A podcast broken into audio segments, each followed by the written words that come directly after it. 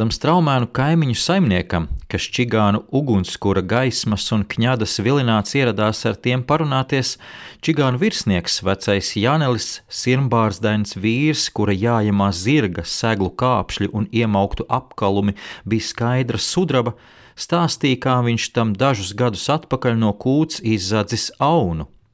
Nakts bija tumša un karsta, apeju laidaru, durvīm atslēga priekšā noliekos pie kūts pamatiem, zinu, ka traknākie lopiņi guļ kur lielāks vēsums, izveļu vienu akmeni un ķeru, sagrābju vilna tik liela kā manai zetei, rauju rumpis iznāk, bet galva nē, ragi kā celmi, rauju un rauju kā nenāk tā nenāk, auns sāk bļaut, suņi riet, tad izņēmu nazi un nogriezu galvu.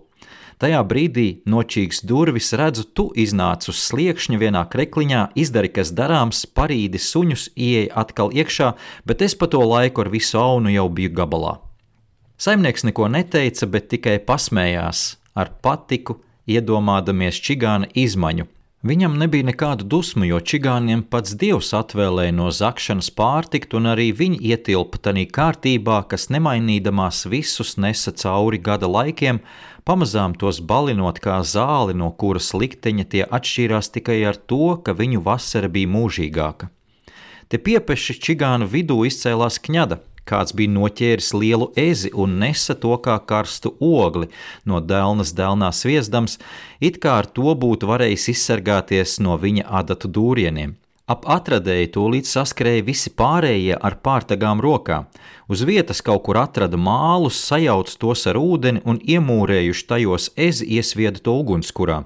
Varēja manīt, kā ezis pamazām noslādams, vēl gribēja atsvabināties, jo mālu pika valstījās oglēs šurpu turpu, līdz pēdīgi palika pavisam mierā.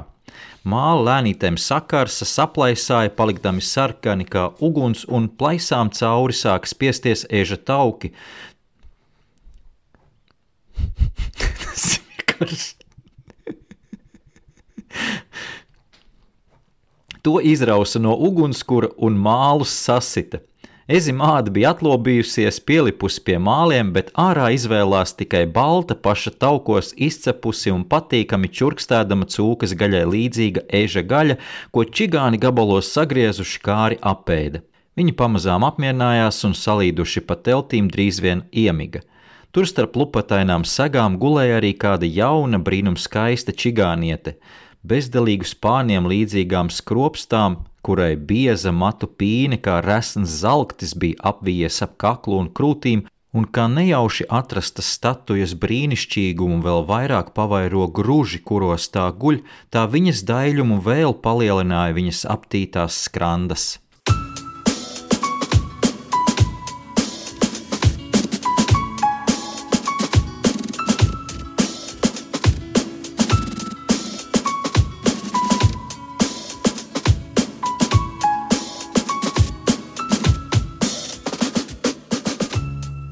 Šis ir podkāsts Restarts, mani sauc Alts Putniņš, un šīs būs sarunas par motorsportu.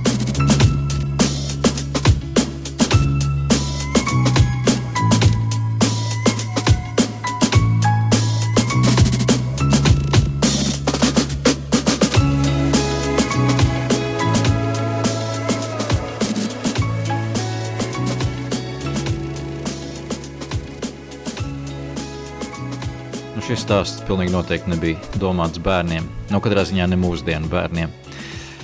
Uh, patiesībā es šo citāto izrāvumu no straumēniem kārtējo reizi uh, īpaši nemeklēju. Jūs droši vien neticēsiet, bet uh, absolūti nebija tā, ka ilgi meklēju, lasīju, ko varētu jums, ar ko jūs varētu sašokēt. Arī iepriekšējās reizēs faktiski atšķīru kaut kādu lapu grāmatas vidū un palasīju pāris rinkopus, atradu labāko vietu, kur sākt īso stāstīņu, un to arī jums izstāstīju. Un, uh, sāku, sāku lasīt šo uh, rinkopu par čigāniem, man likās, jā, kāpēc ne? Uh, varētu, varētu šoreiz par čigāniem, gan jau būs kaut kas interesants, un bija arī, man arī tas nedaudz sašokēja, godīgi sakot, bet tajā laikā, acīm redzot, tas bija pilnīgi normāli. Par to mums nevajadzētu būt īpaši pārsteigtiem. Tas ir vēl viens apliecinājums, cik tomēr ļoti pasaule ir mainījusies pēdējos simts gados. Mēs esam ārkārtīgi tālu no tā aizgājuši. Šobrīd mūsdienās kaut kas tāds, atgadītos, noteikti tā būtu ļoti nežēlīga izturēšanās pret dzīvniekiem. Tā kā viss šis stāsts par, par čigāniem, par čigānu auna zakšanu un par eža cepšanu, nu, tas, tas liek nedaudz padomāt par to, ne, kur, kur mēs esam un kur mēs reiz bijām. Bet par bērniem es nevelti pieminēju pašā sākumā, jo es tagad sāku domāt, ka acīm redzot, man arī uz šī podkāstu sērijas baneri būs jāuzliek 18, plus, dēļ šī satura, dēļ šī ievada, ko nolasīju pašā sākumā, jo man pāris cilvēki ir teikuši, ka liekot bērniem klausīties šos straumēnu izrāvumus, un, un neatceros tagad, kurš no, kurš no klausītājiem teica, ka, ka meita klausoties tieši tieši un tikai to ievadu, vispārējais par Formuli 1 viņa neinteresējot, katru reizi gaidot tieši ievadu. Nu, es nezinu, vai tas ir tas ievads, ko, ko šoreiz viņa gribēja sagaidīt pa eža cepšanu, jo, nu, kā jau teicu, mūsdienu bērniem tas varētu būt pārāk skarbs, skarbs piedzīvojums. Lai nu kā, joprojām par Formuli 1 arī runāsim, bet uh, patiesībā arī es esmu nedaudz sašokēts par to ežu cepšanu, un daudzas kaut kādas interesantas un skarbas lietas esmu dzīvē uh, redzējis, dzirdējis, uh, bet uh, godīgi saku, nezināju, ka tā ezi var uzcept, bet, ja tā padomā, ļoti loģiski iemīts mālos un iemet ugunskurā, jā. Ja tā padomā, protams, ja mēs tā izējām pilnīgi no izdzīvošanas teorijas, jo Te, te izstāstīšu ātri pavisam īsi vienu, vienu stāstu pašam no savas jaunības. Mēs ar uh, diviem draugiem bijām ceļojumā uz Urāliem. Jaunībā mācoties geogrāfijas fakultātē, nu, tas piederējās pie lietas, paceļot.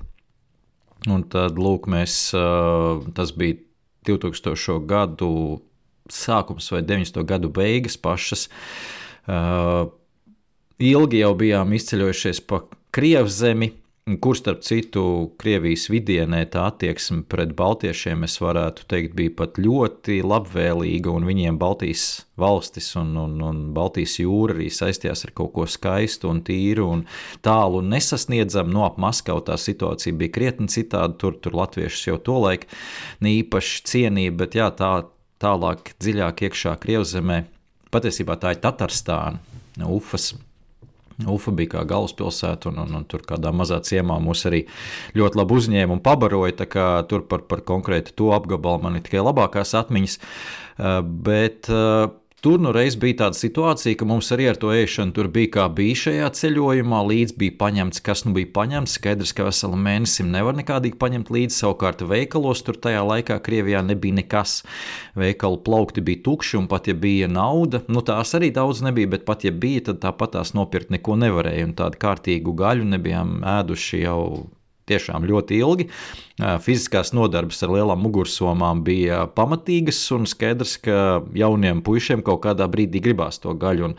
Mēs bijām absolūti gatavi ķert un ēst jebkuru dzīvnieku, ko varam noķert. Diemžēl nebijām ne tik veikli, ne izmanīgi, lai to galu galā izdarītu, bet uh, tas bija tas mirklis, kurā, kurā varu teikt, uh, arī man piezagās tā doma, ka ja es varētu noķert vienalga kādu dzīvnieku, tad, no acīm redzot, nevienu brīdi nebremzētu arī ar visu pārējo, ar nodīrāšanu, uzcepšanu un ēšanu, jo, ja kaut kādā brīdī tas, tas izdzīvošanas instinkts nu, nostājas pirmajā vietā, acīm redzot. Mēs vienkārši šobrīd esam kā sabiedrība ļoti, ļoti acīm redzot, tālu tikuši attīstībā, vai tas ir labi vai slikti, ir cita lieta, bet eh, mums par to nav jāuztrauc. Līdz ar to arī tie standarti, tie morāli standarti ceļās augstāk un augstāk, un pasakot, Dievs, mēs tagad uh, iedomāsimies kaut ko tik barbarisku kā eža cepšanu ugunskurā, iemīcot viņu mālos. Labi, lai nu kā tāda atkāpīte nedaudz skarbāka šoreiz sanāca atpakaļ pie Formule 1 čempionātu, par to šoreiz arī runāšu. Nav jau tā, ka te arī nav skarbas lietas patiesībā, jo viena no tēmām arī ir šis pēdējais FIA nelielais konflikts ar Wolfu ģimeni. Par to es parunāšu, kā tas sākās, kā tas beidzās negaidīti un ko tas viss nozīmē.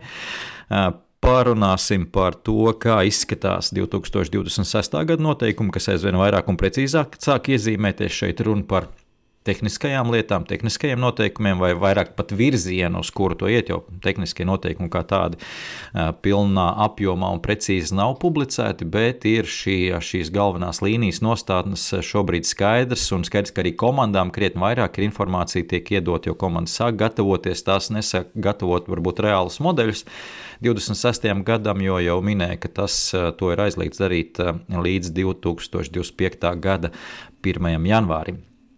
Vēl par pāris jaunumiem, kas te nu pat notikuši, nekas tāds briesmīgs nav atgadījies. Tad viens jautājums no līdzjutēja ir par trasēm, un arī ir plānā parunāt pavisam īsi par Brown GP filmu, par ko arī solīja par Netflix. Es atvainojos, Netflix. Nē, Netflix mēs gaidām Drive to Survive, bet eh, šī ir Disney Plus par šo filmu. Eh, kāpēc īsi? Tāpēc, ka ļoti grūti ir eh, kaut ko pastāstīt par šo filmu, neiedziļinoties tās saturā un nedaudz arī varbūt neizstāstot, ko tur rāda un ko nerāda. Un to man īsti negribās darīt, jo gribās laikā aicināt cilvēkus pašiem noskatīties pārāk, pārāk jauna feina tā filma bija. Vai ir pareizāk sakot, man bija, jums ir vai būs vēl tikai. Labi, ķeramies klāt. Tad FIA un Wolfu konflikts. Nu, tāds konflikts, ja mēs to tā varam nosaukt, ļoti dīvains. Godīgi sakot, jau mēs par šo sākām runāt. Es arī par šo esmu stāstījis, var no, varbūt no paša sākuma mēs par to nerunāsim. Bet pilnīgi noteikti šis paziņojums pats par sevi, par to, ka FIA ir sākusi šo iekšējo izmeklēšanu par iespējamo Wolfu ģimenes interešu konfliktu. Šajā paziņojumā gan netika minēts uzvārds Wolfs vai Toto Wolfs vai Sūzija Wolfa, attiecīgi viņa sieva, bet bija runa par Mercedes komandas darbinieku un par Fiat darbinieci, un tā kā šeit laikam liela pārpratumu nav.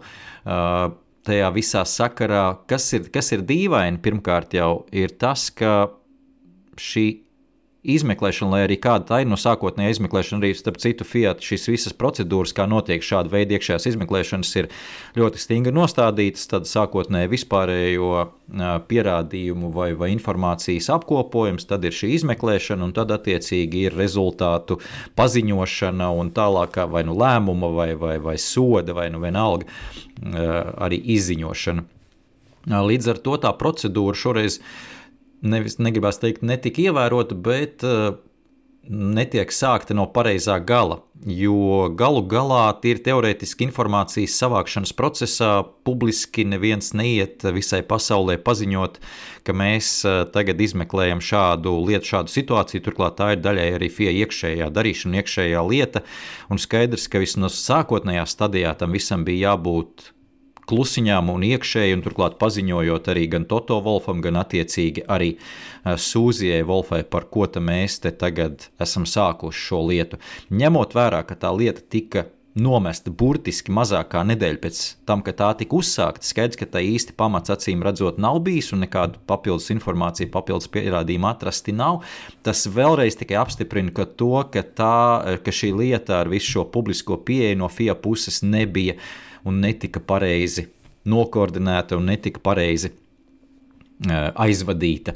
Jo skaidrs, ka šobrīd visa pasaule uz to skatās kā uz dīvainu izgājienu un kā uz tādu FIA spēka demonstrējumu vai vismaz mēģinājumu to darīt, un arī komunikācijas veids, kādā tas tika nokomunicēts ar pārējo pasauli, bija ārkārtīgi dīvains. Un šeit FIA vispār ir problēma, godīgi sakot. Es nesaku, ka pilnīgi visas eh, preses relīzes un visas komunikācijas ir, ir sašķobītas ar FIA, jo ir arī pozitīvi piemēri. Nav tā, ka mēs metam viņus par. par Kauna kārti un, un, un viss ir slikti. Gluži tā arī nav, eh, bet ir tādi vairāki piemēri. Man uzreiz prātā nāk arī šis Lūsis Hamiltona gadījums. Atceramies, ka viņš šķērsoja trasi, kas, protams, bija pārkāpums katrā kas, protams, bija pārkāpums, un par to pienāks sots. Bet tas, kā Fiat to pasniedza pēc tam savā preses relīzē, tas bija pilnīgi noteikti nepareizi, jo bija bez maz Lūsis Hamiltons tika kā nedaudz varbūt izcelts pār pārējiem piltiem, kā viņš būtu īpašs gadījums, un kad lai nu kurš respektīvi, bet nu, viņš jau nu, noteikti nedrīkst pārkāpt noteikumus. Bet nu, tīri teorētiski jau visiem pilotiem tiem noteikumiem jābūt vienādam, un visiem arī sodam jābūt vienādam, un nevienu nevien šeit nevajadzētu izcelt. Uh, nu, lai nu kā, uh, FIA ar Muhamedu Bensulājumu šobrīd ir tādā interesantā situācijā. Atceramies, sezonas sākumā Bensulājums paziņoja, ka Viņš vispār nedaudz atkāpsies no Formule 1 lietām un tajās lietās tik aktīvi nepiedalīsies pēc vairākiem tādiem jau starpgadījumiem iepriekšējā gadā. Taču īsti, būsim godīgi, savu solījumu viņš nav pildījis, jo paskatieties, pilnīgi visas sacīkšu translāciju sākumus, visus ievadus, Birsulējums ir klāt, visiem spiež rokas un nepārtraukti gozējās TV kameru ekrānos. Tā kā to viņš nav atmetis un acīm redzot uzskata, ka tas ir nepieciešams joprojām.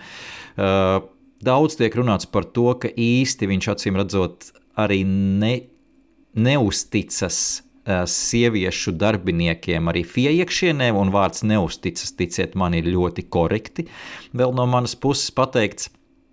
Kā tur ir patiesībā, ņemot vērā arī valsts, no kuras viņš nāk, tas būtu pat ļoti ticams gadījums viennozīmīgi. Nu, un skaidrs, ka Suzija Wolfa, iespējams, ka viņa acī tāds dādzis nedaudz ir. Uh, Iespējams, tāpēc arī šī visa situācija ir bijusi. Es laikam lietoju vārdu iespējams, jo skaidrs, ka tā informācija uz āru izsūksies. Nav pietiekami daudz, lai tādas kardinālas, kardinālas secinājumus izdarītu, eh, bet tas, ka visas desmit komandas nostājās eh, Toto Wolfs, Uzijas Wolfs un Mercedes pusē, nu deviņas komandas attiecīgi bez Mercedes, eh, parāda to, ka komandas bija ļoti vienotas, un arī visām vienībām ir šeit pret FIA zināmā mērā pretenzijas. Visas nāca klajā burtiski gan arī vienā laikā ar vienu to pašu preses paziņojumu. Un tas, manuprāt, bija nu, spēriens pa vārīgo vietu FIA, jo ko viņi ir panākuši ar šo eh, muļķīgo izgājienu. Ir panākuši to, ka ir apvienojuši visas desmit komandas pret sevi, un to nav viegli izdarīt. Tas, tas ir tur, tur jāpieceļās mums visiem un jāaplaudē eh, FIA par to, eh, jo viņi tiešām, kā jau teicu, ir apvienojuši eh, pret sevi visas desmit komandas. Un, ja nu reiz kaut kad mēs varēsim sākt runāt par to, ka atkal ir kaut kāda sacelšanās uz kuģa, vai dumpis uz kuģa, kā tas bija savulaik, starp citu, tā, par, tā pati Brown GP filma ir labs piemērs, kad iepriekšējā reizē bija tā saucamā foto, jeb Formula 1 komandu asociācija, un kā tā tika izjaukta no Bēnija Eklstona puses ar viltīgiem politiskiem gājieniem, tad tagad nu, situācija sāk iet tajā pašā virzienā, proti, ka desmit komandas kopā šoreiz jau ar Liberty ir pret FIA nu, nav vēl uz tādu atklātu konfliktu izgājuši, lai gan redzam, ka tādi nu, zemūdens akmeņi tur ir, kas, kas ātri vien var pāraugt arī tiešām atklātā konfliktā, jo galu galā mums vēl neatrisināta situācija ir ar Andreti komandu, kuru galu galā tieši FIA sākotnēji rīkojot šo konkursu ieaicināja, pēc tam arī ņemot vērā, kā Andrēti izpildīja visas FIA prasības, arī apstiprināja. Nu, vēl joprojām gaidām Liberty šo, šo lēmumu, ko tad viņi dara Andrēti. Uh, sakarā. Un, uh, nu, tad atcerieties, tajā pašā gada sākumā es nu pat atminējos, taču vēl Birns Lajams dokumentēja par tiem 20 miljardiem, kur uh, Arābu konsorcijas vēlējās iegādāties Formuli 1 par 20 miljardiem. Un, uh, un, Un šajā sakarā arī Bensulējums izteicās no savas puses, ka tas noteikti ir par lētu un ka tā, ka tā nav atbilstoša cena. Toreiz arī saņēma tādu diezgan uh, augstu dušu no, no Liberty, kur paziņoja, ka FIA šajā sakarā vispār nepieder balstiesības, un viņi, uh, viņiem vajadzētu paklusēt, jo visas lietas, kas attiecās uz finansēm, uh, attiecīgi ir li, uh, Liberty pārziņā, un FIA tur nav nekādas teikšanas. Uh, tā ir taisnība, jo savulaik. 90. gadu beigās, ja nemaldos, tas bija 94. un 95. gads. Es tagad tur, tos gadus ļoti precīzi varētu nepateikt, bet apmēram, kad sākās arī Eiropas Savienības konkurences, padomes aktivitātes un šīs regulas parādījās, tad arī pieķērās Formule 1 čempionātam. Toreiz arī bija nepieņemami tas, ka ka ir zem viena jumta gan regulators, proti FIA, gan vienlaicīgi arī komerctiesību turētājs, un attiecīgi bija jāsadala šīs lomas.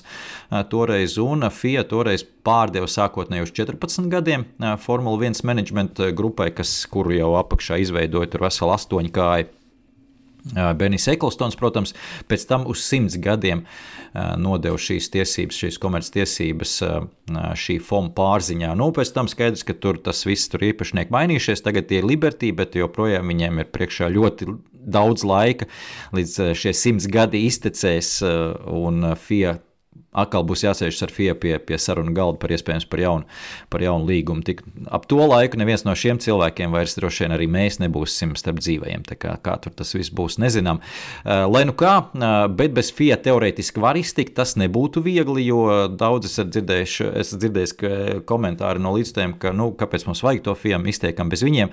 Tas viss teorētiski ir iespējams, tomēr tās klapatas ir diezgan pamatīgas, jo šobrīd FIA pārziņā eksistē ļoti liels aparāts, kas darbojas patiesībā pat daudzos gadījumos lieliski, proti visu trašu akreditēšanas, visas sistēmas, metodikas, drošības noteikumu ievērošanas, tātad, protams, visi tiesneši, nu, un daudz, daudz var uzskaitīt daudzās pakāpēs līmeņos, ko dara FIA un dara labi patiesībā.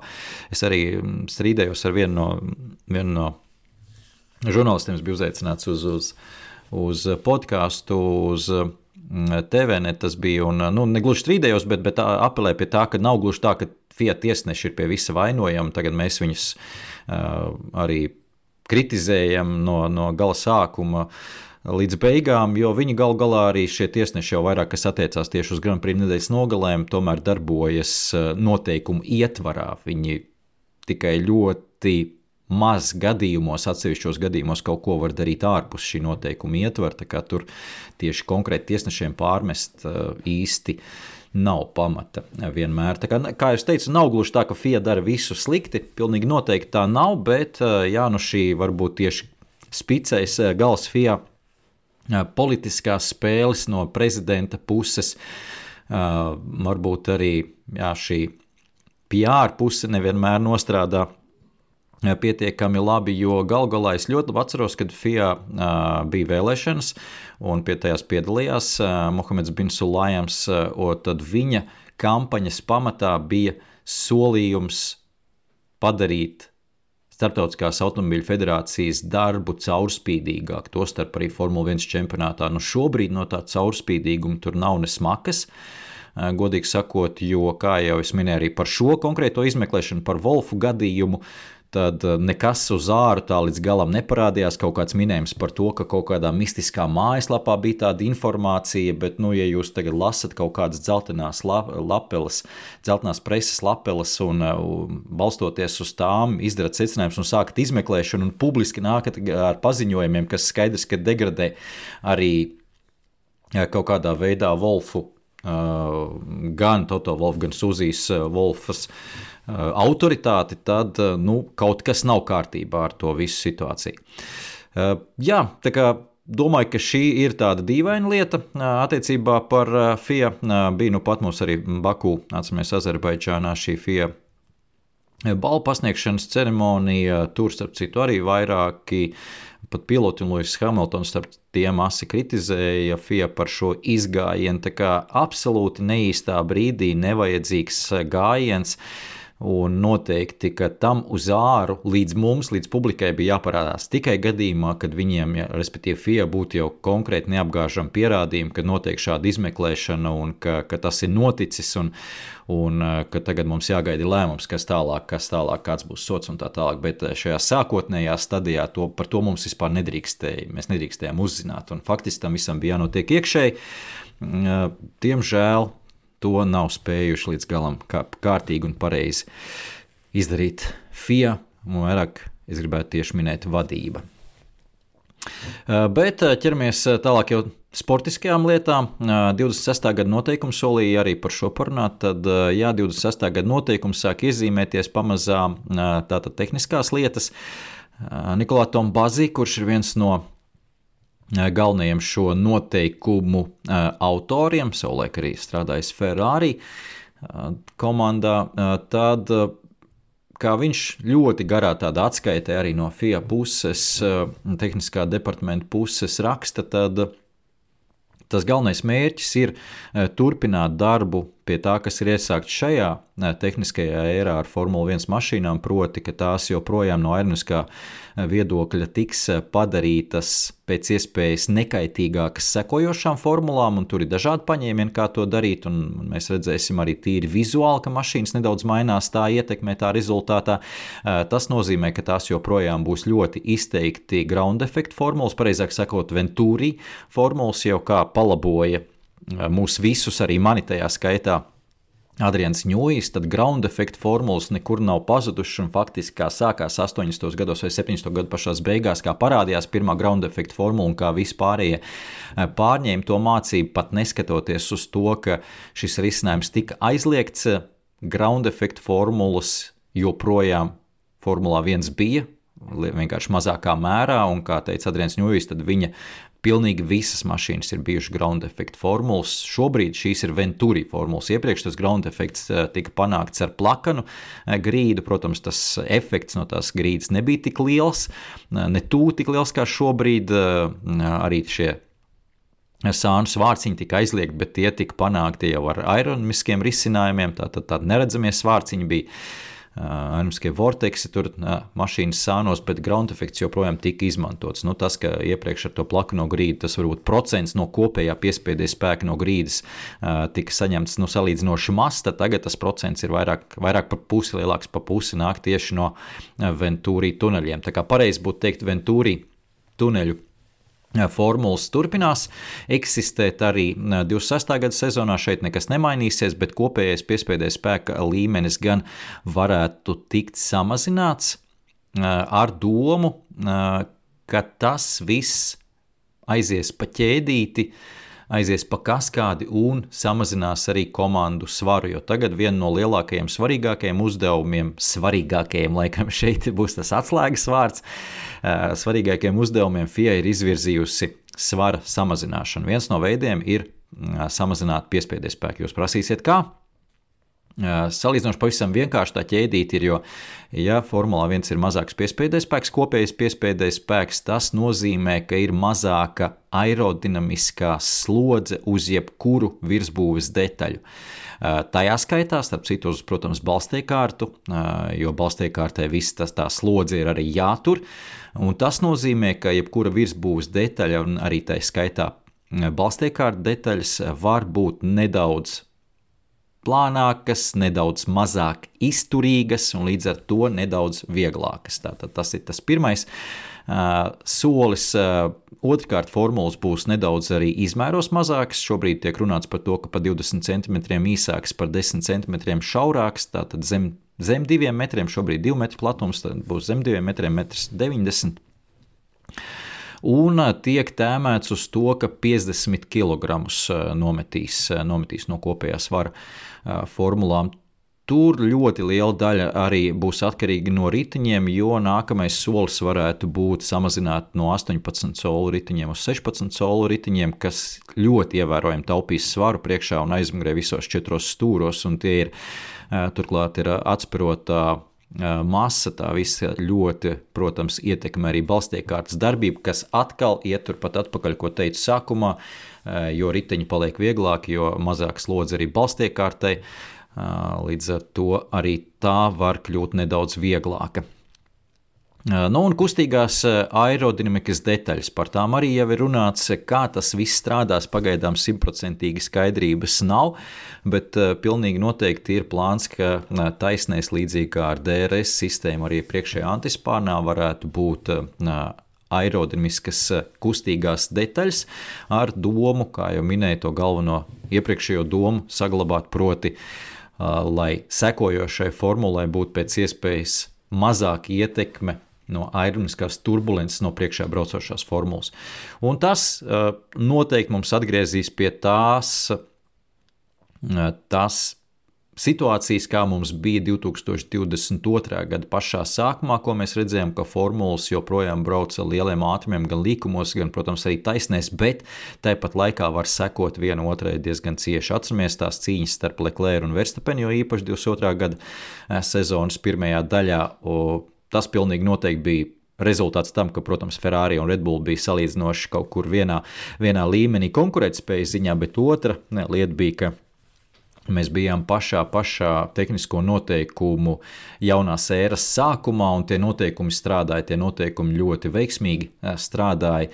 Un, attiecīgi, lēnām, protams, komandas strādājot pie uzlabojumiem, mainiskiem, spēja panākt to, ka atkal tā aizmugurē braucošā formula tiek apbižota ar gaisa plūsmu, ar vorteksiem dažādiem, eh, bet Bet kopumā tomēr tas, tas sākums bija labs. Citu šeit ir viena vēl interesanta lieta. Es lasīju tādu risinājumu arī par sprinta sacīkstēm. To bija Garijs Andersons uzrakstījis kā savu piedāvājumu. Tad viņa piedāvājums bija arī apgriezto starta kārtību izmantot bet izmantot tikai vienu kvalifikāciju. Respektīvi, viena kvalifikācija, tā kvalifikācija nosaka gan startu lielai sacīkstei, proti, tajā kārtībā, kāda tā būs, gan startu arī uz sprinta sacīksti, bet sprinta sacīkstē būs kaut kāda apgrieztā kārtība, vai nu visi, vai, vai pirmie desmit, vai pirmie astoņi.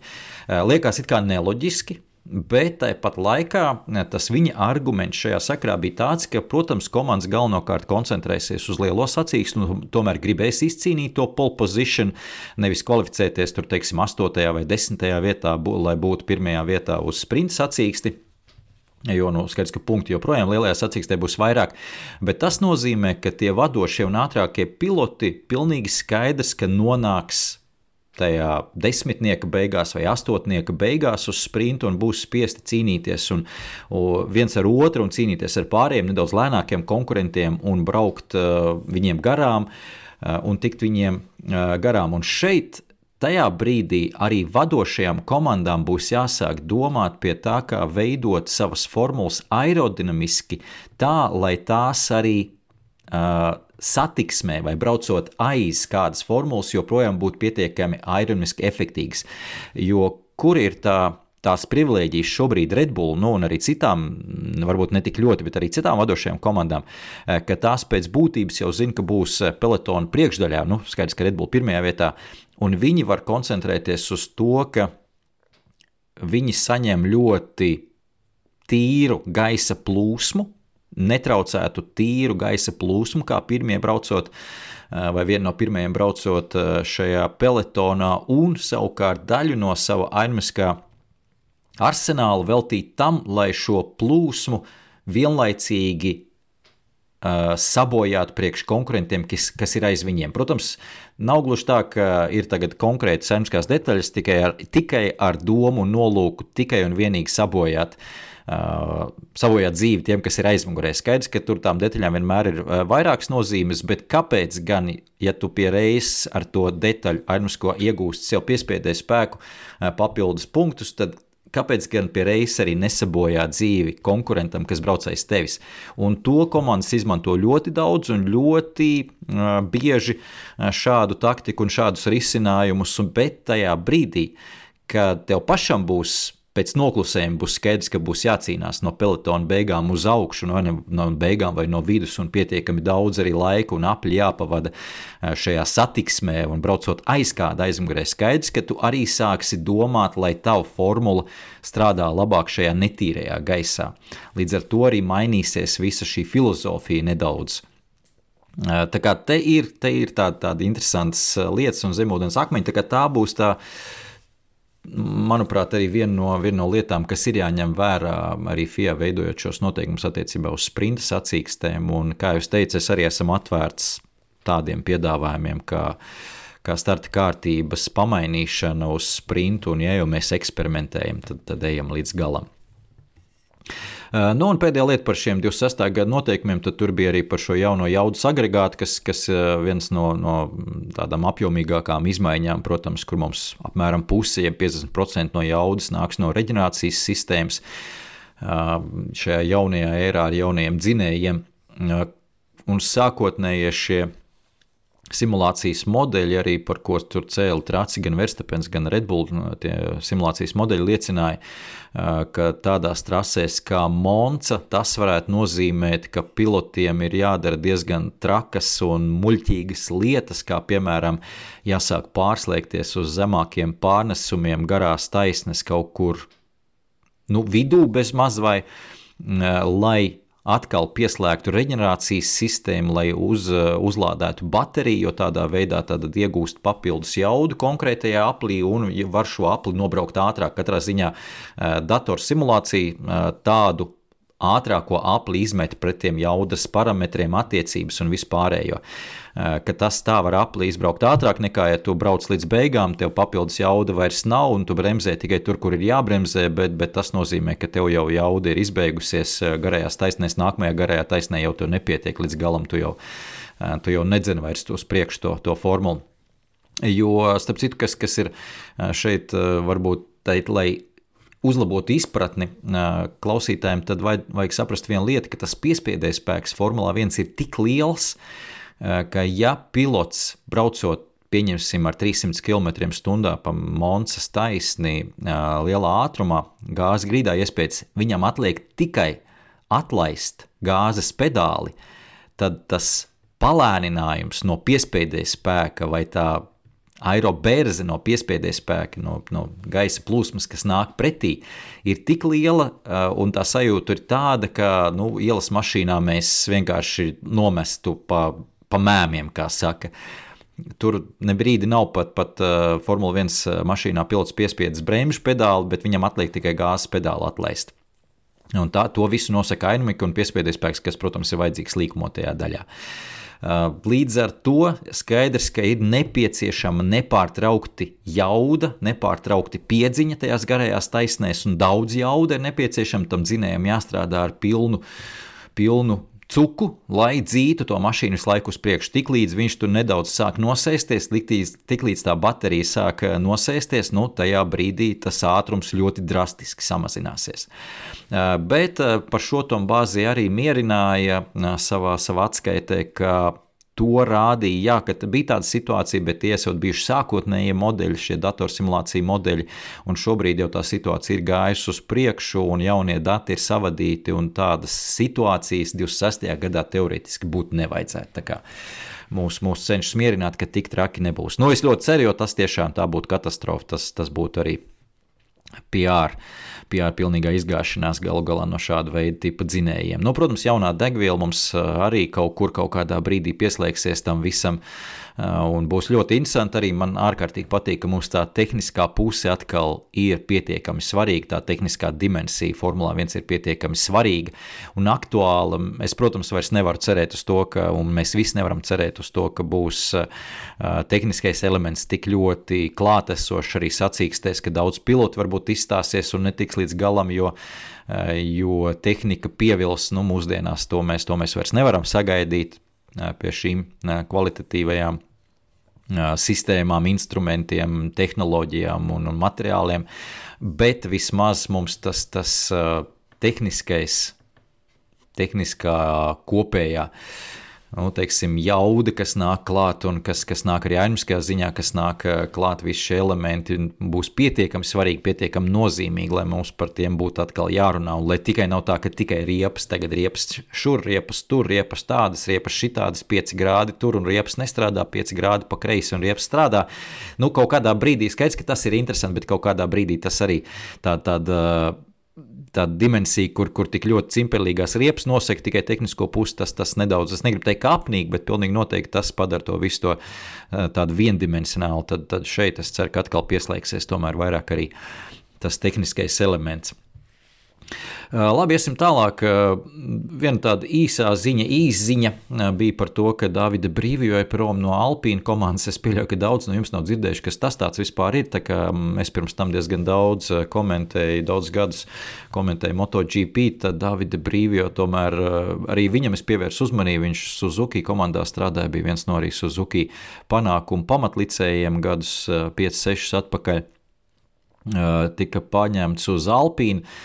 Šobrīd, nu pat, nu pats vajag ziņu, ka viņš arī ir pametis Alpīnu komandu un, nu, acīm redzot, dosies atpakaļ uz MotoGP, kur, manuprāt, arī viņam ir vieta, bet tas ir vēl viens pierādījums tam, cik Alpīna jeb Renault sākotnēji ir salaiduši grīstē to visu savu menedžmenta uh, menedžmentu kā tādu, cik daudz tur ir cilvēki norotējuši, nomainījušies, cik daudz nav vispār atraduši sev vietu tajā menedžmenta sistēmā un sapratuši savu vietu, cik daudz tur ir vienkārši degradējuši visu to sistēmu, cīnoties par savu ādu un mēģinot varbūt savas ambīcijas izsist. Tā tālāk, tā joprojām. Un skaidrs, ka ir Renault tajā visā vainojami. Viņi to sistēmu tādu ir uztaisījuši, kur uh, izsitas tie, kas, eh, tie, kas cīnās par savādu, nevis velk to kopējo vezumu uz priekšu. Un eh, skaidrs, ka viņiem ir jāmaina tā sistēma. Vai viņi to spēs un mācīs izdarīt? Es gribu redzēt, bet mums ir ļoti labi piemēri, vismaz sākotnēji. Izskatās, ka ir labi piemēri šeit. Es reiz gribu likt priekšā McLaren komandu. Un ļoti interesants eksperiments. Tā ir viena no nākamās sezonas arī manām intrigām, kā strādā šis eksperiments McLaren komandā. Jo atceramies, ka uh, viņiem tikai ar š, nākamā gada, proti, ja 24. gada 1. janvāri nāks uh, visi trīs šie tehniskie vaļi ienāks komandā, beidzot parādīsies, eh, kas ir nolīgti no citām komandām, pārvilināti no citām komandām, katrs atbildīgs par savu tehnisko departamentu, un uz šiem trim vaļiem turēsies visa tā tehniskā sistēma, eh, kas būs McLaren komandā. Un iepriekš šāda tāda vairāk horizontāla menedžmenta sistēma McLaren nav strādājusi. To arī stāstīja Adrians Ņūjs, kad viņš vēl bija McLaren komandā, bet kā viņš teica, tad tajā laikā mēs īsti nesapratām, kurš tad ir atbildīgais, kurš kuram tad dod tās pavēles vai tos uzdevumus, un kurš kuram atskaitās. Nu, es gribu redzēt, kā Andrejs Stela šeit tiks galā ar to, jo tas, kādas īpašības ir parādījis Andrejs Stela, manuprāt, kā lielā mērā tehniskais cilvēks un kā inženierijas cilvēks, man ir ļoti pārsteidzis. Tas, cik viņa uh, brīfingi ar presi ir interesanti, konkrēti un uh, un arī izsmeļoši bieži. Tas, tas tiešām ir pārsteigums, un ļoti daudz komandu vadītāju varētu no viņa, viņa pamācīties. Jo komandu vadītāji, eh, es negribu saukt vārdā, bet ir, ir pāris, kas eh, pieiet šai lietai kā, pamatīgām, kā pie pamatīgām zobu sāpēm, un to arī neslēpj. Un to arī neslēpj, izturās diezgan uh, brutāli pret, pret žurnālistiem, palielam, kas arī tikai dara savu darbu. Protams, tur reizēm arī ir muļķi pagadās pa vidu, par to es arī uh, nevaru nevar atzīt. Bet uh, Andrejā Stēla šajā ziņā uh, cepuri nostumkāja virsū. Uh, Andrejā Stēla pirmkārt uh, nav slēpis, cik nu viņš var stāstīt. Protams, ne jau visu tā, ka viņš stāsta visu, kas, kas viss noslēpums, kas McLaren komandā, bet pietiekami sīki izstāsta un izskaidro visu situāciju, McLaren komandas lēmumus un visu pārējo. Tā kā viņš šai lietai ir piegājis ārkārtīgi, manuprāt, sistemātiski un pareizi, un iegūst ļoti daudz simpātijas. Es ar pāris kolēģiem esmu runājis tieši, tieši par šo jautājumu. Tad viņi visi izsakās, ka Andrejs Stēls šobrīd ir absolūtais viņu favorīts no komandas, viens, Formula 1 komandu vadītājiem par to, kāda viņa komunikācijas forma ir. Turklāt viņš ir itālis, viņam jārunā, protams, pārsvarā angļu valodā, un viņa angļu valoda ir vienkārši ekscelenta. Turklāt, kā ārzemniekam, manuprāt, viņam pat tā angļu valoda ir labāka nekā daudziem britiem, kas nu, pieraduši jau runāt tādā nedaudz slēgā, un viņš, viņš runā ļoti skaistiem brīžiem par tādiem. Nu, Oksfordas vārnīcas vārdiem, kas, kas jāpameklē vēl ir. Tā kā visu cieņu. Es ļoti ceru, ka izdosies arī klātienē dzirdēt Andrejā Stelu. Tā kā, ja nesanāks tā komentēšana, tad braukšu, braukšu noteikti uz vietas, uz posmiem. Par šo es nedaudz pašā beigās arī vēl parunāšu. Jautājums man ir ielikts arī šajā podkāstu kārtībā. Viens jautājums Lauris prasīja šo jautājumu jau pirms apmēram nedēļas, varbūt nedaudz vairāk Twitterī, bet es noliku viņu maliņā Atbildēja gan Twitterī tāda pietiekami varbūt konkrēta, nu cik nu ir iespējams 280 zīmēs, bet uh, arī atbildē uzrakstīju, ka, ka atbildēšu vairāk podkāstā, tā kā neesmu aizmirsis savu solījumu, pierakstīju. Jautājumu, jautājums ir sekojošs. Jautājums ir par jauno uh, Madrides trasi. Lauris raksta sekojoši. Un, protams, ka trase iet gar jauno Real Madrid vienu miljarda stadionu, jo šis taks būšot nākotnes Madrides turisma objekts. Tīri komerciāls, komerciāls gājiens manā skatījumā nevis atgriezt kādu senāku un interesantāku trasi. Drīz visas gonkas būs pa šaurām vecrīgas ielām, tā raksta Lauris. Tā galvenā lieta ir jāsaprot, pirmkārt, jāsaka, laikam tā, protams, komerciāls gājiens, bet nu, to pārmest šobrīd kādai trasē, kādam posmam ir muļķīgi, jo pilnīgi viss ir komerciāli gājieni. Neviens to nedara tāpēc, ka romantiski, tāpēc, ka skaisti, tāpēc, ka bija mums kādreiz formula, mēs atkal gribam un nav starpības, cik tas maksā. Protams, komerciāls gājiens. Par to nav nekādas šaubas, jo galu galā tā pati Barcelonas trasa, kas bija Katalonijā, kas, kas iekšā, tur, protams, iekšējais konflikts ir Madridi pret Madrides apgabals pret Katalonija, kas cenšas panākt vispār neatkarību.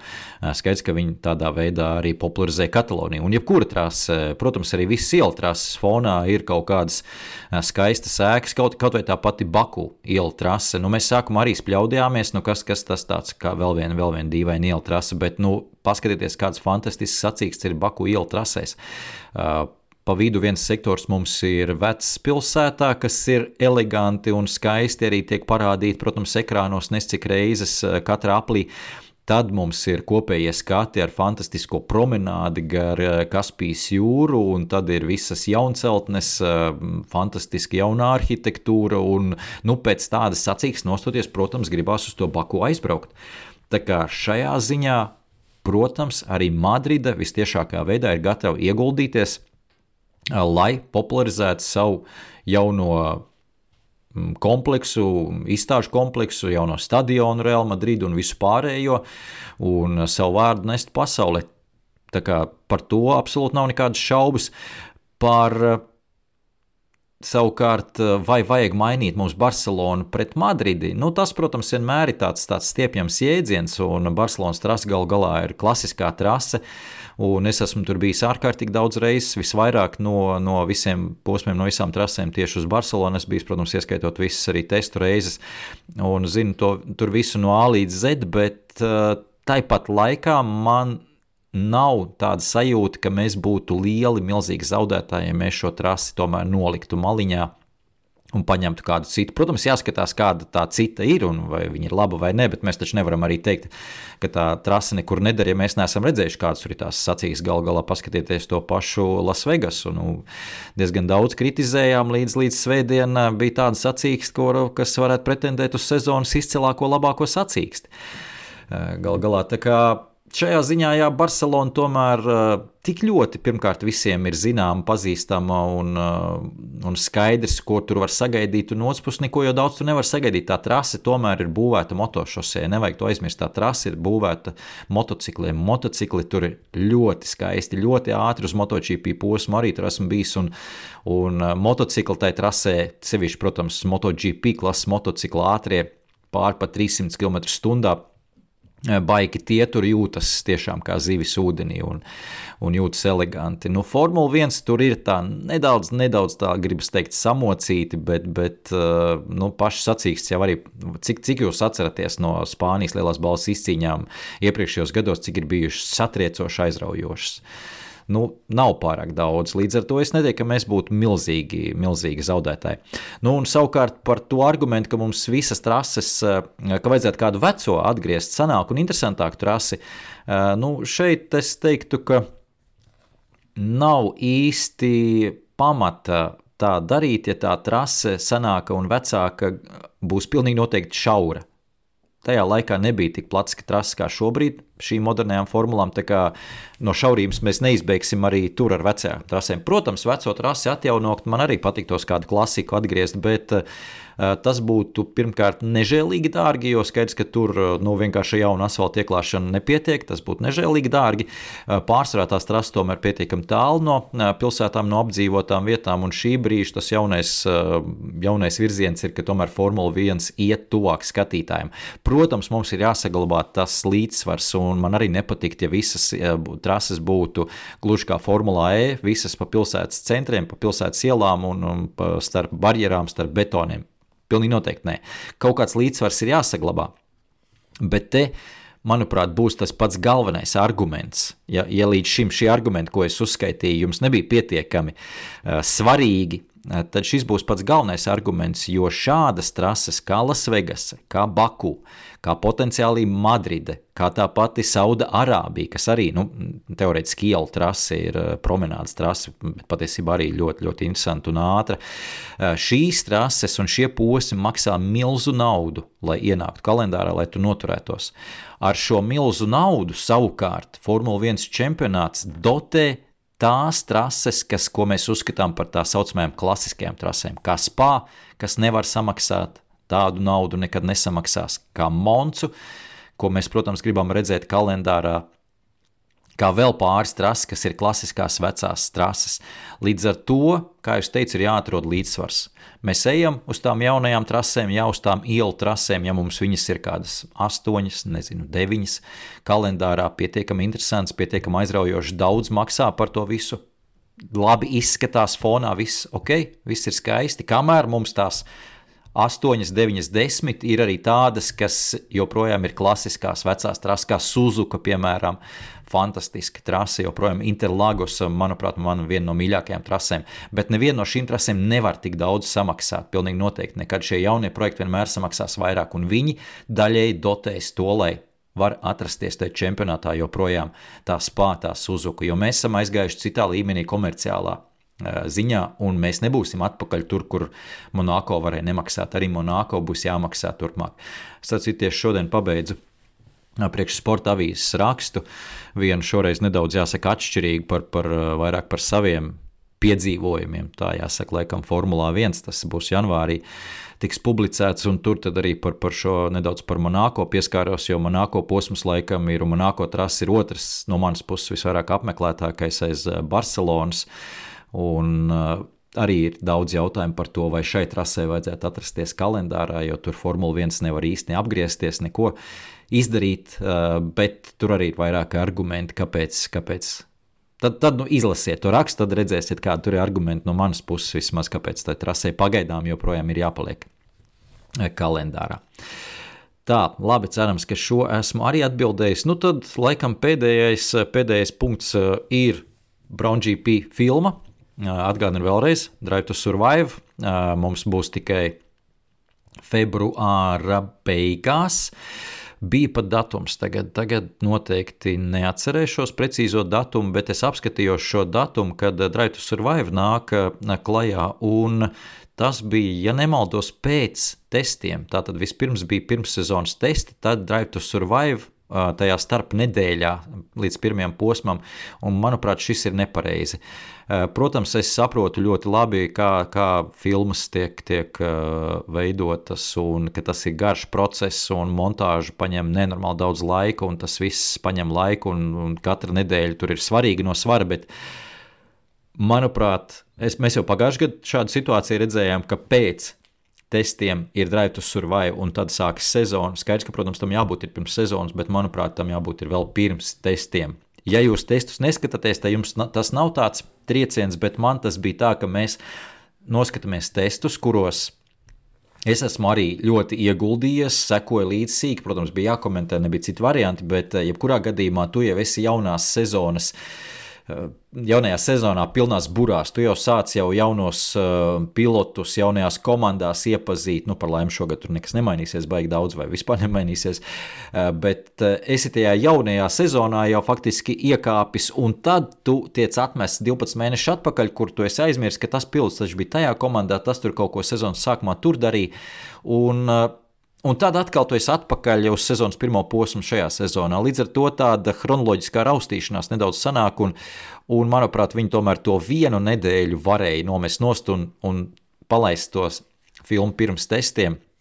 Un tad būtu skaisti, mēs, mēs eleganti atskatītos pagājušo sezonu, uzkurinātu interesi par, par jauno siekalas, sāktu tecēt ļoti strauji, mums iedotu testus, lai kā apetaizeru, un tad mēs bladāts uz pirmo posmu jau būtu visi pamatīgi uzbudinājušies. Nu, nekā šoreiz iztiksim bez tā, tā kā, kā ir, tā ir. Bet, protams, par Brown GP runājot, tad Disney Plus tiem, kas nav, kā jau esmu teicis, apzvaniet draugus, pajautājiet, lai iedod jums pieeju uz vienu nedēļu. Noskatieties Disney Plus Kur, kur ir tas, tas labumiņš šajā Brown GP filmā? Labumiņš ir tas, ka tas stāsts ir uh, gluži kā pelnušķīts stāsts, un tādi stāsti patīk publikai. Lai tu esi Ferrari, lai tu esi Red Bull vai Mercedes līdzutējs, tev tādi stāsti patiks, jo vienmēr patīk tie, tie pastarīši un pastarīši stāsti, tie ir tādi skaistas pasakas. Un, uh, turklāt, atšķirībā no Drive to Survive, kur uh, Nu, ir sezona, kas, kas varbūt ne, nav pati aizraujošākā no kopējās intrigas viedokļa, kas jāatspoguļo eh, Netflixam. Eh, un ir jāatrod tā drāma un jāmeklē. Tad eh, šeit tā drāma bija pār pārēm, mm, dažne dažādos līmeņos un variantos. Un, nu, Tāpēc es teiktu, ka Brown GP filmas veidotājiem bija nedaudz vieglāk, kā ir salīdzinoši Drive to Survive. Protams, Keanu Reeves manuprāt, lielisks. Viņš Formulā 1 tomēr nav iekšā bijis. Un, Tas, cik var just, ka viņš ir ieguldījies un kā viņš pienes to savu, jo viņš netēlo lomu kaut kādu, kas ir interesanti. Mēs esam pieraduši redzēt, ka viņš tēlo lomas, tad šeit viņš ir pats un, un skaidrs, ka viņš ir daudz par to lasījis, interesējies, un, un, un viņam nolikts priekšā ir milzīgs materiāla apjoms, kas, kas jā, jāapgūst. Bet tās intervijas viņam arī ar tiem cilvēkiem, visiem vadošiem, kas tur ir piedalās tajā filmā, ir ārkārtīgi, nu, kā lai to pasakā, viņš pats ir bērns pārsteigts ļoti bieži par to, kā tas ir bijis, kas, kas tur ir bijis. Un tas, tas, Man, man likās, eh, vienmēr tās intervijas, es gaidīju, ka būs kāda akla intervija, kur eh, Kienu Rīvs atkal tos jautājumus jautā. Jo viņš tiešām prasa, kā cilvēks, kurš īsti nezina daudz lietas tajā lietā, un kas ir pārsteigts par tām, tām atbildēm, par tiem notikumiem, visiem, kas tur notika. Uh, ir arī, protams, tāds darbs, karotīte jāieliek tajā visā, bet tas varbūt tikai man, varbūt jums viss labi un lieliski, bet man pietrūka pāris lietas. Man prasījās pirmkārt nedaudz vairāk par tiem testiem, jo es par tiem biju lasījis pat, es gribētu teikt, pat sīkāk nedaudz nekā šajā filmā bija. Proti par pirmajiem testiem, kad bija tā atklāsme komandai, ka tā mašīna ir monstrs, ka, ka Jensons Batons apjauta, ka nu mums ir fantastiska mašīna, mašīna, kas varēs uzvarēt vismaz sezonas pirmajā daļā, un ka mums tagad ir, ir jāiet likt uh, likmes, uh, betting kantori, milzīgas likmes, jo, nu, viss, protams, uh, viss, viss likmes pret viņiem pagaidām sezonas sākumā, bet mēs jau zinām, ka tā, tā mašīna ir dikti ātra un dikti laba. Tas nedaudz prasījās sīkāk, smalkāk, un otra lieta, kas, kas manuprāt, arī jums varētu pietrūkt, ir tas, ka nebija līdz galam izstāstīts pats stāsts par šo dubulto, jeb divpakāpju difuzoru sīkāk, precīzāk, tehniskāk, ko tas tieši deva, arī no juridiskā viedokļa, kā tie noteikumi konkrēti tur, tur tika apieti un kur tas eh, formulējums tajā, tajos vārdos bija uh, nedaudz palaists šķērsām garām, jo nu, tas jau, tas jau bija tas iemesls, tā bija tā, tā galvenā lieta, kāpēc vispār Brown GP kaut kas tāds izdevās. Un, manuprāt, to varēja parādīt nedaudz tā, nu, līdz galam tā tehniskā. Tā bija tā iespēja, kur arī tie līdzjutēji, kas, kas varbūt parastam tehniskajām lietām tik ļoti nepievērš uzmanību vai negrib pievērst uzmanību, tad tie tiktu ievilkti tajā iekšā, jo arī viņiem gribētu saprast, kas tad ir tas iemesls, kas tad ir tas pats pats galvenais, kāpēc tas viss bija iespējams un notika, kur tā mašīna bija ātrāk par tām pārējām formulām. Tas, manuprāt, līdz galam netika parādīts tik labi.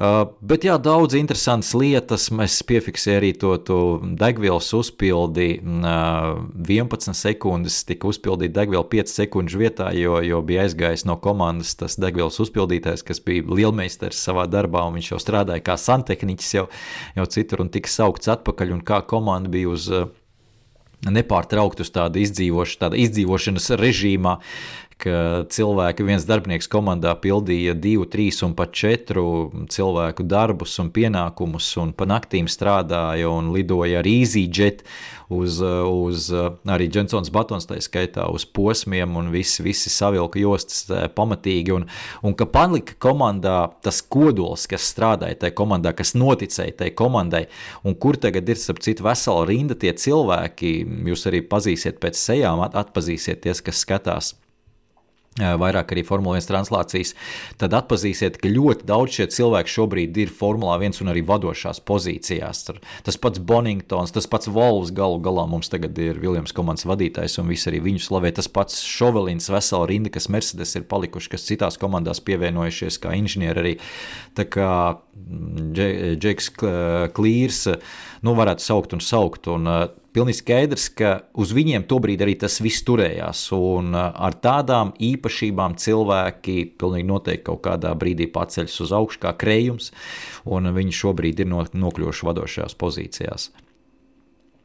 Uh, un uh, vēl viena lieta, jā, ko es piefiksēju, arī sev man ārkārtīgi patika šī uh, filmas sadaļa vai, vai paralēlā intriga par, uh, par Barikello un Jensona Batona savstarpējo cīņu par titulu, jo pilnīgi skaidrs, ka kamēr pārējā komanda bija pārņemta ar kaut kāda veida eiforiju par to, ka nu, mums ir ātra formula, nu, mēs varam kaut ko sākt domāt par, par uzvarām, tad Tāpat laikā patiesībā Jensona Batona un arī Barikelo pirmās domas bija, ka mums ir savstarpējā cīņa ar komandas biedru, ka viņiem, viņiem bija nedaudz cita cita veida uzdevums. Pirmais, kas nāca prātā, pamostoties katru rītu, man ir jāpārspēj komandas biedrs. Un tā ir tā dinamika, par, par ko es ļoti bieži daudz runāju, ka cik, cik interesanti, manuprāt, tieši tāpēc ir Formula 1, ka vienas komandas iekšienē pat mērķi atšķirās cilvēkiem nereti. Uh, vai virziens vai, vai paņēmieni atšķirās, kādā veidā viņi iet uz to mērķi. Un it kā tā viena komanda strādā virzien, vienā virzienā, bet nu, redzam, ka šeit ir skaidrs, ka katram vismaz piltam savāda var būt tuvāk, un kurš tad būs tas, kas cīnīsies par čempionu titulu. Un atbildot uz vienu arī iepriekš jau kādu laiku atpakaļ uzdot jautājumu, jā, es vēlreiz atgādinu, tas ir Rubens Barikello, nevis Baricello.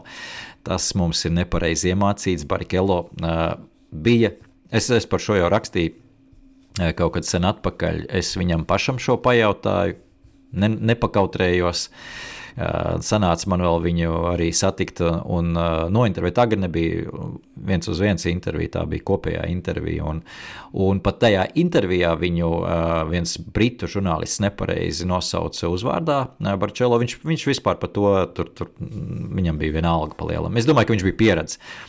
Un speciāli viņam pajautāja, kā ir pareizi, un pareizi ir Barikello. Un šajā filmā viss korekti, visu laiku korekti tiek saukts pareizi viņš uzvārdā. Tā, nu, laikam viss apmēram, ko es gribēju teikt par Brauna uh, filmu. Kā jūs teicat, negribās ļoti daudz stāstīt uh, no tās filmas, lai, lai tie, kas varbūt nav redzējuši, vēl, vēl neizstāstītu pašu labumu. Tur arī daudz politiskās lietas, kā jau teicu, tā bija Neklstona loma, tur ir fantastiska, un tas, nu, tas vecais krams ir līdz galam krams. Uh, pilnīgi noteikti, un tāds, tāds krampis iekšā Galu galā, nu kā savādāk, kā savādāk. Savādāk nevar arī būt.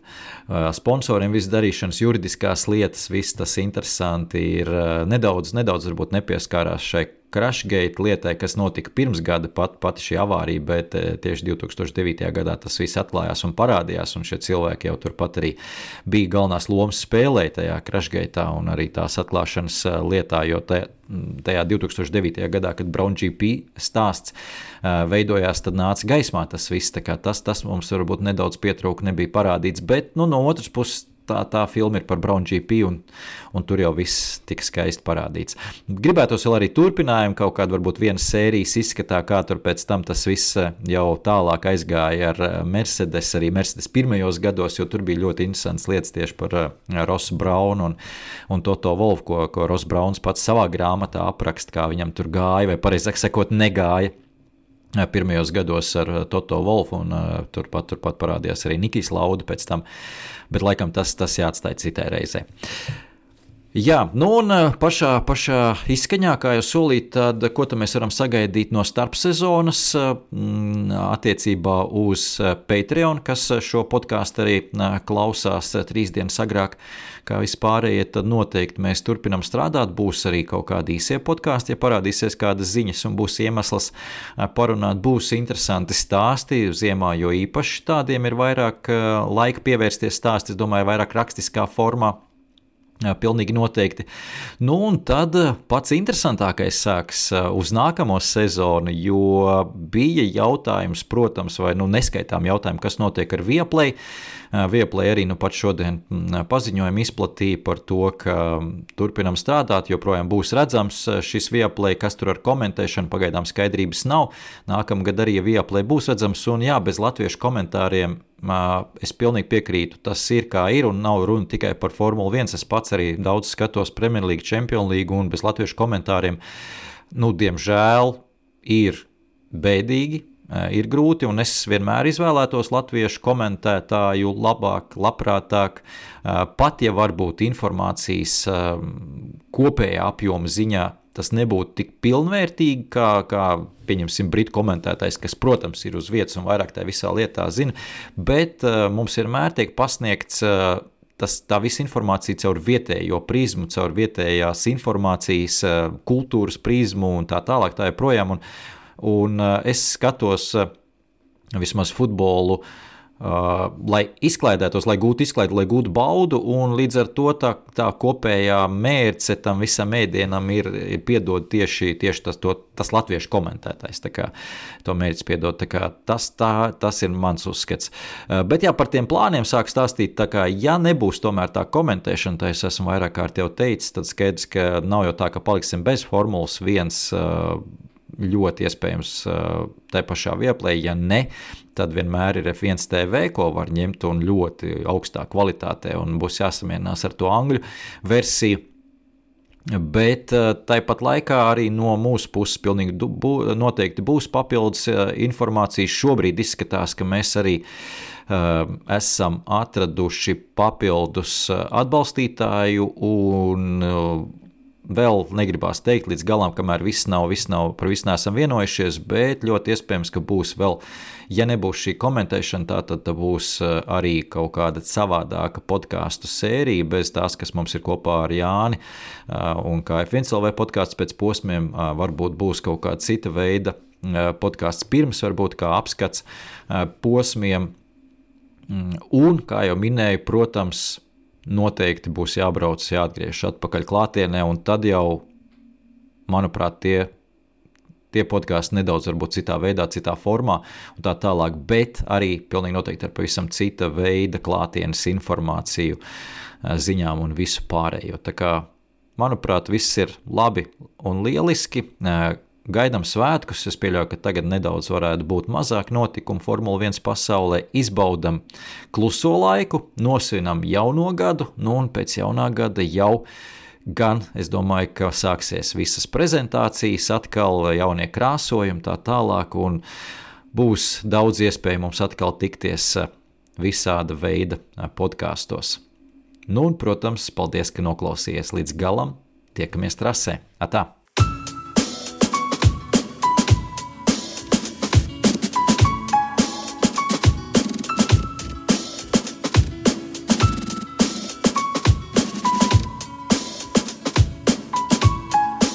Mūzika no Perfect Muse, Lucky Number.